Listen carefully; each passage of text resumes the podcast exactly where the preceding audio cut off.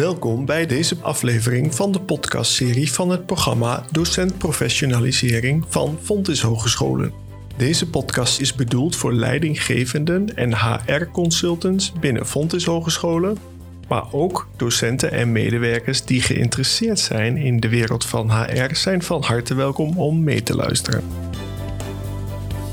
De titel van deze aflevering is Leiding geven aan verandering en ontwikkeling.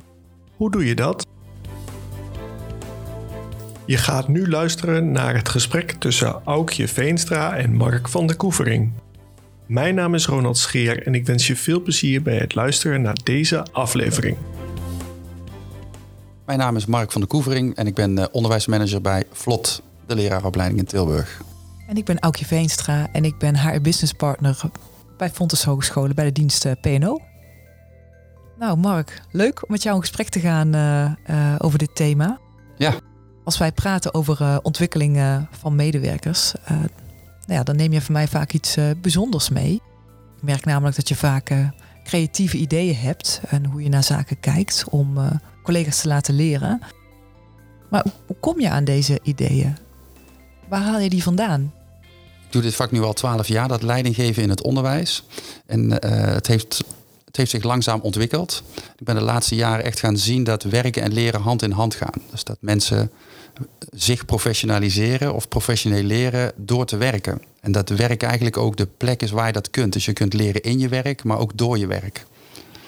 En uh, nou, op die manier probeer ik daarna te kijken. En dat, dat helpt enorm om ook ontwikkelingen van mensen uh, of in gang te zetten of te ondersteunen. Uh, want dat in gang zetten is vaak ook nog niet eens nodig. Je moet het alleen zien dat ze het aan het doen zijn. En misschien is een goed voorbeeld dat hier een paar jaar geleden de 13 masteropleidingen mm -hmm. zich uh, nou ja, door moesten ontwikkelen. Want het, een driejarige master moest een tweejarige master worden. En dat vraagt van die collega's die dat moesten doen, om helemaal terug te gaan naar de kern. Wat betekent dit eigenlijk om deze opleiding hier te doen? Welke uh, vaardigheden en kennis moeten die studenten zich allemaal toe-eigenen? Dus er moest helemaal opnieuw worden nagedacht over dat curriculum. En ja. dan moet je dus ook terug naar je uitgangspunten. Ja. Hoe zit ons onderwijs dan in elkaar? Welke onderdelen komen daarin terug? Door naar dat proces te kijken, dat die collega's daar een, een, nieuw curriculum aan het ontwikkelen zijn en daar twee dagen met z'n allen voor op de hei gaan zitten, dat is professioneel leren wat ze daaraan doen zijn. Nou, en ik zie dat dan als een vorm van collectief leren. Dat staat ook tegenover een vorm van individueel leren uh, aan de andere kant. Hè, dat iemand in zijn eentje iets kan gaan doen. Ik doe zelf nu een uh, masteropleiding binnen Fontis. Dat is echt voor mij. Mijn collega's hebben daar natuurlijk iets aan, hoop ik in ieder geval. Um, dus die staan dan naast elkaar. Maar je moet wel zien dat het eigenlijk professionaliseren is. En dat het niet alleen maar toevallig curriculumontwikkeling is. Want daar is enorm geleerd. Gaaf. En ja, je zegt het is ontwikkeling enerzijds, maar anderzijds is het ook een uh, ja, behoorlijk veranderd traject om zo'n uh, ontwikkeling door te maken van een driejarige master naar een tweejarige master. Dat vraagt natuurlijk ook veel van, uh, van collega's um, om die verandering in, te, in te zetten. Hoe zag je jouw rol in dat, in dat traject? Ja, ik ben in dat traject zelf niet zo heel erg betrokken geweest. Um, maar het is wel zo dat de werkzaamheden die daaruit volgden in de teams waar ik leiding aan geef, die gingen wel heel erg over wat het dan wat het, dat nieuwe curriculum betekent voor deze lerarenopleiders, voor deze HBO-docenten. Het doet ook iets met de professionele identiteit van die docenten. Want dan ga je opnieuw bekijken, ja, wat betekent het voor mij om in deze opleiding nu les te geven? Uh, daar, moet, daar, zaten ook soms wel nieuwe overtuigingen achter. Dat het bijvoorbeeld, alleen al de overtuiging, het, je kunt het halen in twee jaar als student. Maar is er voor jou wel onderscheid tussen wat werken is en, en leren? Zit daar voor jou verschil in of zit daar heel veel overlap in? Hoe kijk je daarnaar? Nou ja, werken is dat continue proces hè, waar mensen in zitten om, om die bijdrage te leveren. Maar door het werk ontstaat er natuurlijk een, een routine die ook heel aangenaam is. En de, een routine waar je op terug kunt vallen. Uh, maar het vormt ook een basis, die routine, om te kunnen kijken, kan het morgen anders? Kan het morgen beter? Mm -hmm. uh, en anders betekent in dit geval dat je hetzelfde doet, maar op een andere manier. Maar kan ook betekenen, ik ga iets nieuws doen. Mm -hmm. Dus daar zit voor mij ook wel het veranderen tussen, of het verschil tussen veranderen en innoveren. Mm -hmm. En ik zie aan collega's dat als ze vandaag iets gedaan hebben en ze moeten morgen ongeveer hetzelfde doen, dat ze toch gaan bedenken, ja, maar hier kan ik het nog een beetje aanscherpen. Of Ja. daar kan ik een andere vraag aan studenten stellen. Of ik kan een andere bron gebruiken. Mhm. Ehm, en daar zit ook het leren. Hè. Als je kijkt naar, ja, to- toen ik eh, vroeger op de academie zat, leerde je dat leren een actief eh, proces is van Mhm. eh, informatieverwerking en verwerving. Dat dan leidt tot een gedragsverandering. Dat was dan een beetje zo'n beetje de eh, omschrijving daarvan. Het, het is iets wat je actief doet. Ehm, dus leren, voor leren zit bij mij ook wel iets wat je enerzijds bewust kan doen. Ik wil het morgen anders beter doen dan vandaag. Maar aan de andere kant is er ook nog een onbewust proces van leren. Eh, en dat, is het, dat zijn de gesprekken bij de koffieautomaten bij, met de collega's. Waarin over begeleiding van een student wordt gesproken. Of over hoe je een bepaalde eh, cursus die je geeft, hoe je dat kan aanvliegen. Of welke bronnen je gebruikt. Of hoe je je les verdidactiseert, hoe je dat aanpakt. En dat gebeurt allemaal tussen de bedrijven door. Dus daar zit voor mij ook nog wel het verschil tussen het formele leren, waarin je zegt: ik ga nu iets leren, ik ga me ontwikkelen, of ik ga een artikel lezen, of ik ga naar een, een cursus of naar een eh, conferentie. En het informele leren, wat eh, soms ook wel echt onbewust gebeurt. Mhm. Ik hoor je ook zeggen, het is gewoon voor jou een way of living, zeg maar. Hè? Dus dat je daar eh, bewust, misschien wel onbewust, continu mee bezig bent in je werk. Ja, en voor mij als leidinggevende is het wel zo dat ik dat, eh, dat onbewuste voor mezelf eh, veel meer heb geprobeerd naar het bewuste te trekken. Van wat zie ik eigenlijk allemaal? Wat valt voor mij onder professioneel leren? Waar zijn mensen aan het leren? En hoe doen ze dat? Ja. Kennen we binnen Fonds natuurlijk de ontwikkelcyclus, waar ontwikkeling natuurlijk eh, enorm aan bod komt. Ehm, jij bent er eigenlijk continu mee bezig. Maar wanneer stuur jij nu op ontwikkeling en wanneer laat je het echt bij de, bij de medewerker? Ja, dat is wel een goede vraag. Want is, ik vind het ook wel een dilemma. Mhm. Eh, kijk, bijvoorbeeld de ontwikkelgesprekken, dat, dat, dat zou je kunnen zien vanuit managementperspectief als een sturingsinstrument. Je hebt hogere, hogere doelen met je organisatie, je hebt een eh, strategisch plan. En je hoopt dat alle medewerkers die eh, werken in je instituut, dat die bijdragen op wat voor manier dan ook aan dat, eh, aan dat grote plan, hè, aan dat Mhm. strategische beleid. Tegelijkertijd zie ik ook hier eh, eh, onderwijsprofessionals rondlopen die in sommige opzichten ook heel weinig sturing behoeven. Hè? Moet je iemand sturen als die al de goede kant op loopt. Mhm. Dus voor mij is het ook maatwerk. Enerzijds zit de sturing zit voor een deel in de, eh, in de uitnodiging die ik aan mijn collega's stuur als ze een ontwikkelgesprek hebben. Daar zitten voorbeeldvragen bij, daar, zit, daar zitten de bekwaamheidseisen van lerarenopleiders bij. En die heb ik omgezet naar vragen die je kan stellen. eh, over hoe vul jij je vak in en wat merken de studenten daarvan. Eh, en dan gaat het over eh, agogisch bekwaam zijn, over eh, eh, didactisch bekwaam zijn, over organisatorisch bekwaam zijn, onderzoekend eh, zijn. Ja, hoe merken jouw studenten dat je je nog steeds bekwaamt op die gebieden? Het zijn in totaal een, eh, een dertigtal vragen. En afgelopen jaar hebben bijvoorbeeld collega's uit die vragen zelf gezocht waar ze mee bezig waren. Bijvoorbeeld een vraag als welk vakdidactische literatuur heeft jou aangezet om je onderwijs aan te gaan passen? Ja, Nou, als mensen zoiets gedaan hebben, dat vinden ze ontzettend interessant om dat dan met mij te delen. Dat geeft mij de mogelijkheid om door te vragen hoe dat, door, hoe dat invloed heeft gehad op hun eigen ontwikkeling. Wat daarbij hun ideeën zijn over het lerarenopleiderschap. En tegelijkertijd ook te vragen, en wat draagt dat nou bij aan het grotere geheel? Hoe zie je dat op het niveau van het instituut? ja, mooi. Dus je hebt eigenlijk je eigen methode ontwikkeld om echt verdiepend te praten over eh, leren en, eh, en ontwikkelen. En wa- wat brengt dat jou? Wat, eh, wat brengen deze gesprekken jou, die methode die je zelf hebt bedacht, om toe te voegen? Nou, je zoomt in op ehm, de talenten van mensen. Je zoomt in op de kracht van mensen. Dat, dat waar ze goed in zijn. Eh, en daar zit ook vaak de grootste bijdrage. Gesprek helpt om mensen daarna zich te laten realiseren waar, de, waar hun ontwikkelkracht zit en hun ontwikkelkansen zitten. En het geeft de mogelijkheid om die, in die ontwikkelgesprek en de totale ontwikkeling te differentiëren naar waar iemand ook in zijn carrière staat. Mhm. Dus met, eh, je ziet ook dat de jonge docenten die hier, eh, laten we zeggen eind eh, 20, begin 30, eh, die hier komen werken, die dragen zelf ook andere onderwerpen aan. En die hebben ook andere behoeften dan een collega die vijf jaar voor zijn pensioen zit met heel veel ervaring. Die komen met andere artikelen, die komen zelf met andere vragen, die komen. ehm, Mhm. nou, die zitten in een andere fase van hun loopbaanontwikkeling. Ja, En soms, uh, dit, dit, wat ik doe is deze vragen meesturen, maar het is geen verplichting om het ook over die vragen te hebben. Ik heb ook gesprekken met collega's, eh, ontwikkelgesprekken, die zelfs zeggen, ja, ik heb nu een nieuwe taak als opleidingscoördinator. En die willen daar graag over doorpraten. Ja.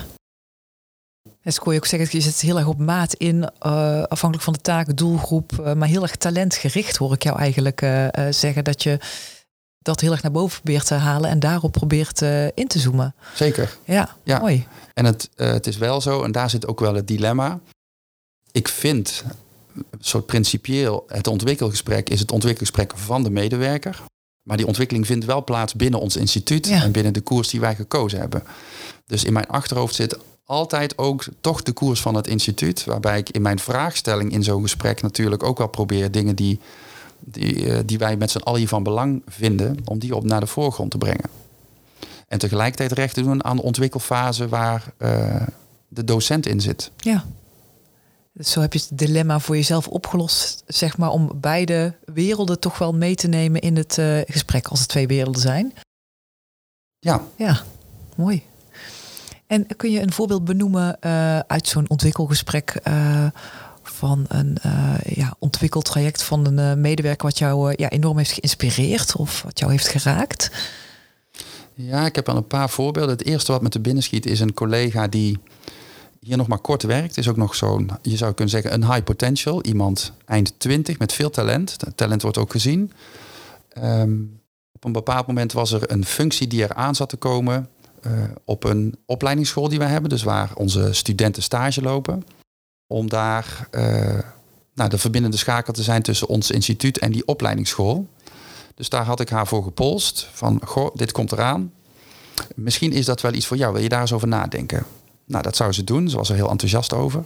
Ondertussen was ze ook nog een masteropleiding uh, onderwijskunde aan het afronden. En dat kwam op het laatst allemaal een beetje bij elkaar. Dus die heeft hier vier dagen in de week gewerkt, daarnaast nog een masteropleiding gedaan. En toen ze klaar was, kwam ook die vacature. Mhm. En toen hadden wij het ontwikkelgesprek. En toen vroeg ze zich af, is dit wel het moment? Want ja, je hebt me gevraagd en je hebt me eigenlijk getipt, dit komt eraan. En toen hebben we samen in dat ontwikkelgesprek eens gehad over, ja, hoe, uh, hoe sta je nu in je carrière? Je bent eind 20, je geeft hier al les, komt van pedagogiek. Uh, je hebt een mooie masteropleiding gedaan. Is dit het moment om hier nu meteen in te stappen? Mm een functie bij een nieuw opgestarte opleidingsschool. Dat was meteen heel pittig. Ja. Dus uiteindelijk was de conclusie van het gesprek dat het een goed idee was om deze nou eens eventjes mooi voorbij te laten gaan. Is een jaar hier routine op te bouwen, waar we het daar mhm. straks over hadden. Een soort van basis waar je op verder kunt. Want kansen komen nog wel. Dus dit vond ik een mooi voorbeeld van een gesprek met een high potential, om het zo maar te zeggen. Iemand die uh, al wat verder is in de carrière, maar bij de, nou ja, bij de talenten hoort om niet meteen ook al dat talent uh, nou ja, te vergooien is misschien niet het goede woord. Maar wel om, om nu uh, het risico te lopen ook een beetje uh, af te branden zo vroeg in je carrière. Om meteen heel veel hooi op je vork te ja, nemen. precies. En gewoon ook keuzes te maken. Ja. En nu nog even geduld te hebben. Haar kans komt nog wel. Hey Mark, hoe kijk jij naar talent? Kijk jij echt naar high potentials? Of kijk je meer naar inclusief talent? Van iedereen heeft talent. En hoe, hoe is, werkt dat voor jou?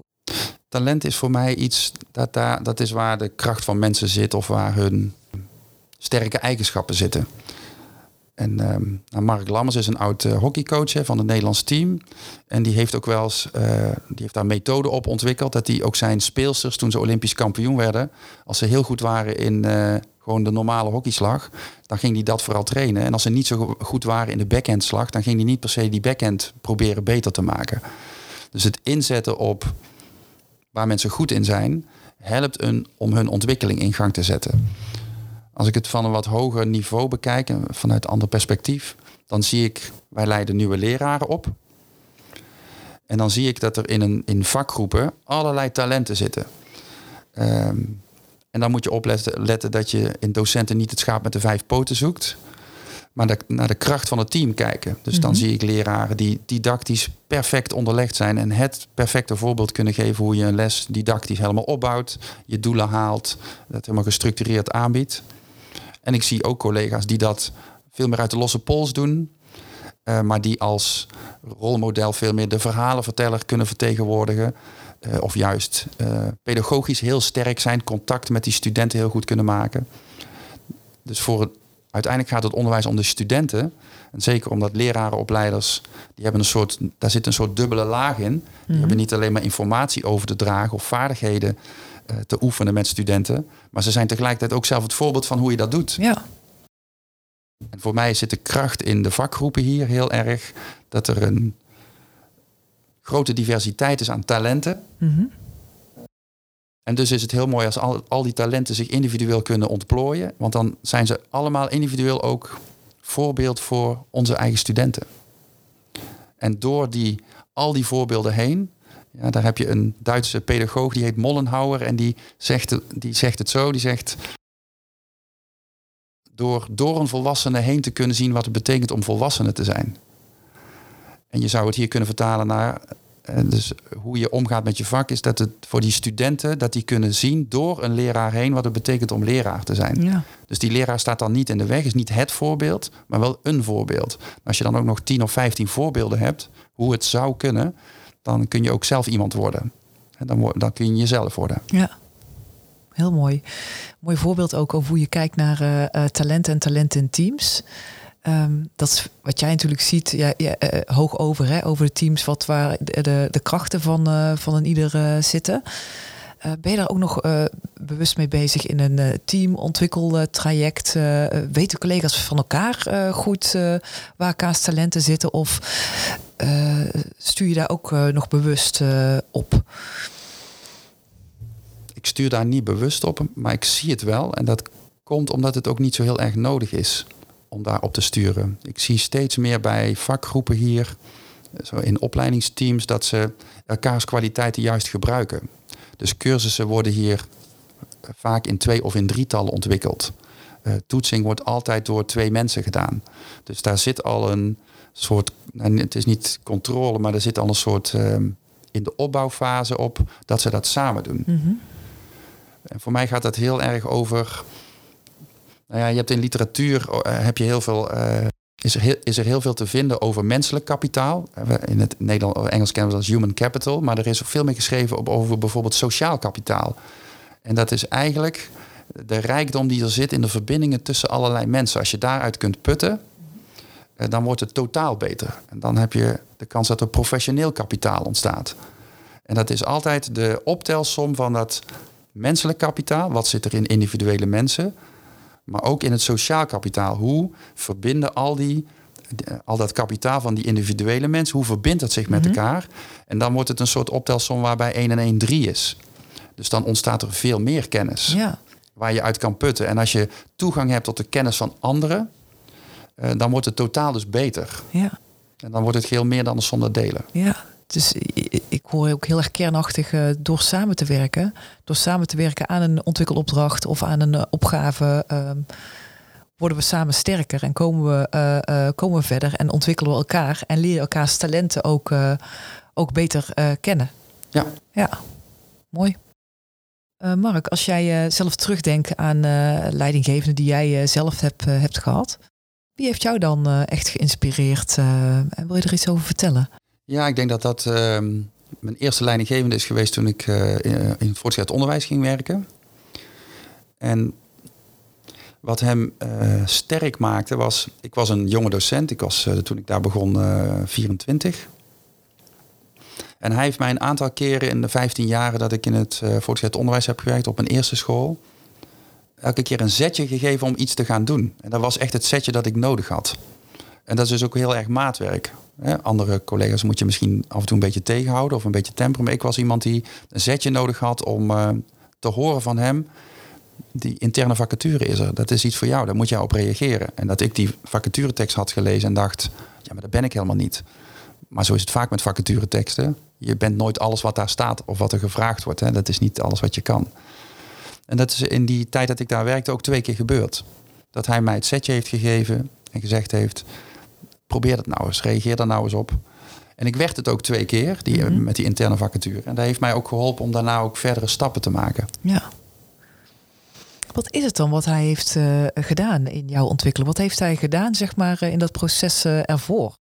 Wij werkten veel samen. We zaten samen in een uh, team van uh, drie HAVO en drie VWO-mentoren. Heeft gezien hoe ik dat aanpakte, denk ik. En hij heeft een aantal lessen van mij gezien. Hij zag hoe ik met collega's omging. Als het in gesprekken over leerlingen of over de klas. Ehm, dus hij heeft mij gekend. Dat helpt als je je collega's kent. Hij heeft mijn talent gezien. En uiteindelijk heeft hij mij dus het setje gegeven op basis van wat hij gezien had om te zeggen: dit is de volgende stap die je zou kunnen maken. En wees daar nou niet te bang voor en probeer het gewoon. Ja. En dat heeft mij geholpen om de, om de keuze te maken. Nou, dan ga ik daar maar eens op reageren. En dan maak ik het volgende stapje. Ja.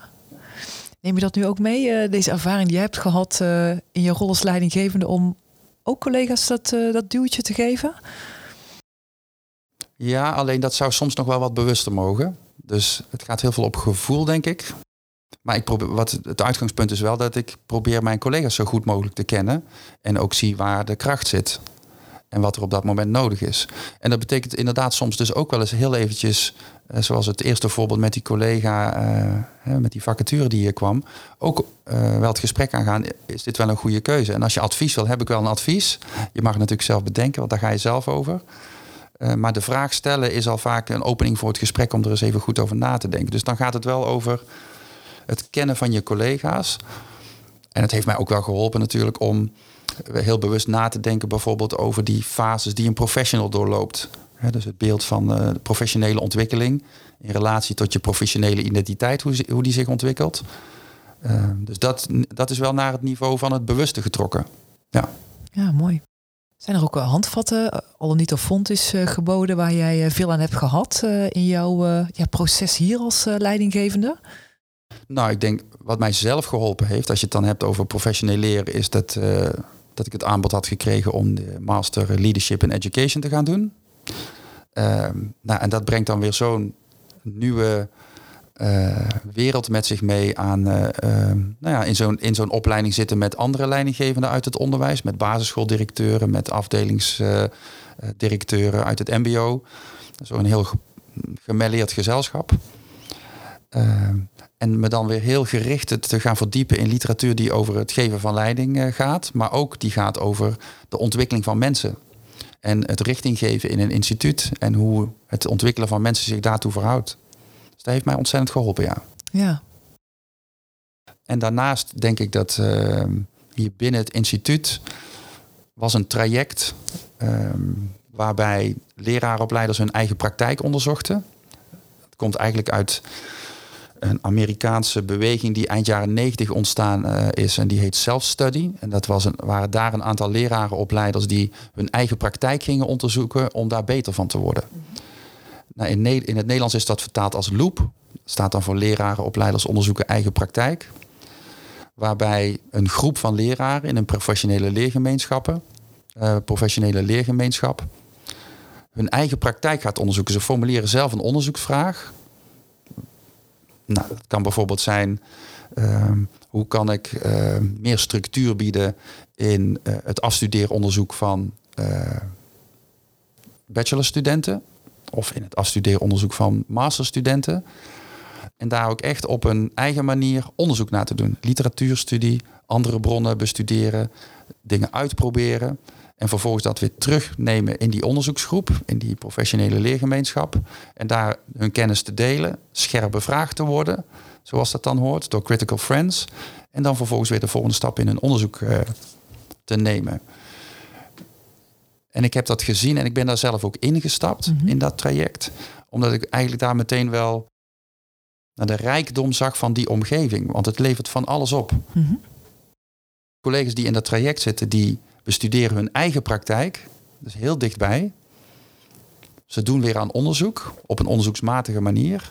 Ze delen hun kennis met hun collega's. Die worden daar ook beter van. Hè. We hadden het over sociaal kapitaal daar straks. Dus dat versterkt elkaar. En de studenten hebben er iets aan. Want onderdeel van het traject is ook dat studenten worden betrokken in het onderzoek, maar ook in de verwerking van wat heeft dit nou opgeleverd. Ja, en wat heeft het voor jou gebracht, uh, dit, uh, dit traject, om hierop in te stappen? Nou, ik heb zelf vervolgens weer onderzoek gedaan naar hoe dit traject werkt en dit proces werkt bij die leraren. En het heeft mij bijvoorbeeld laten zien dat, eh, omdat zij zelf onderzoek doen, uh, het curriculum zich ontwikkelt door hun eigen onderzoek.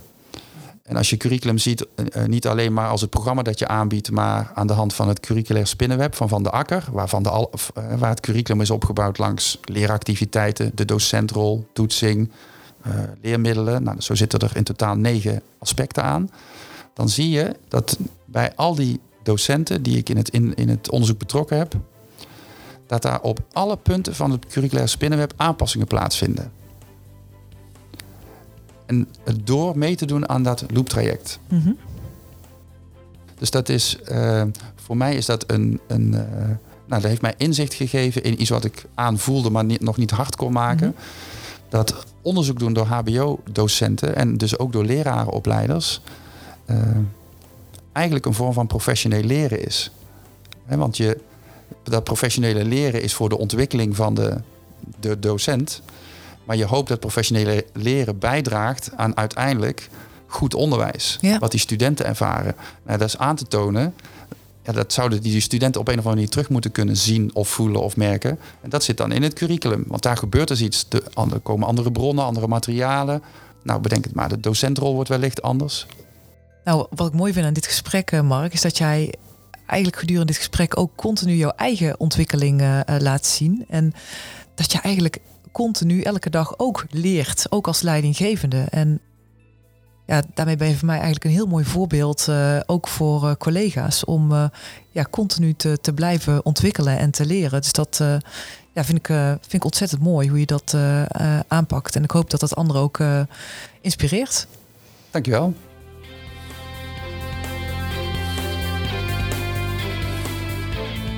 Nou, Mark, bedankt voor het, uh, voor het gesprek. Luisteraars, bedankt voor het uh, luisteren.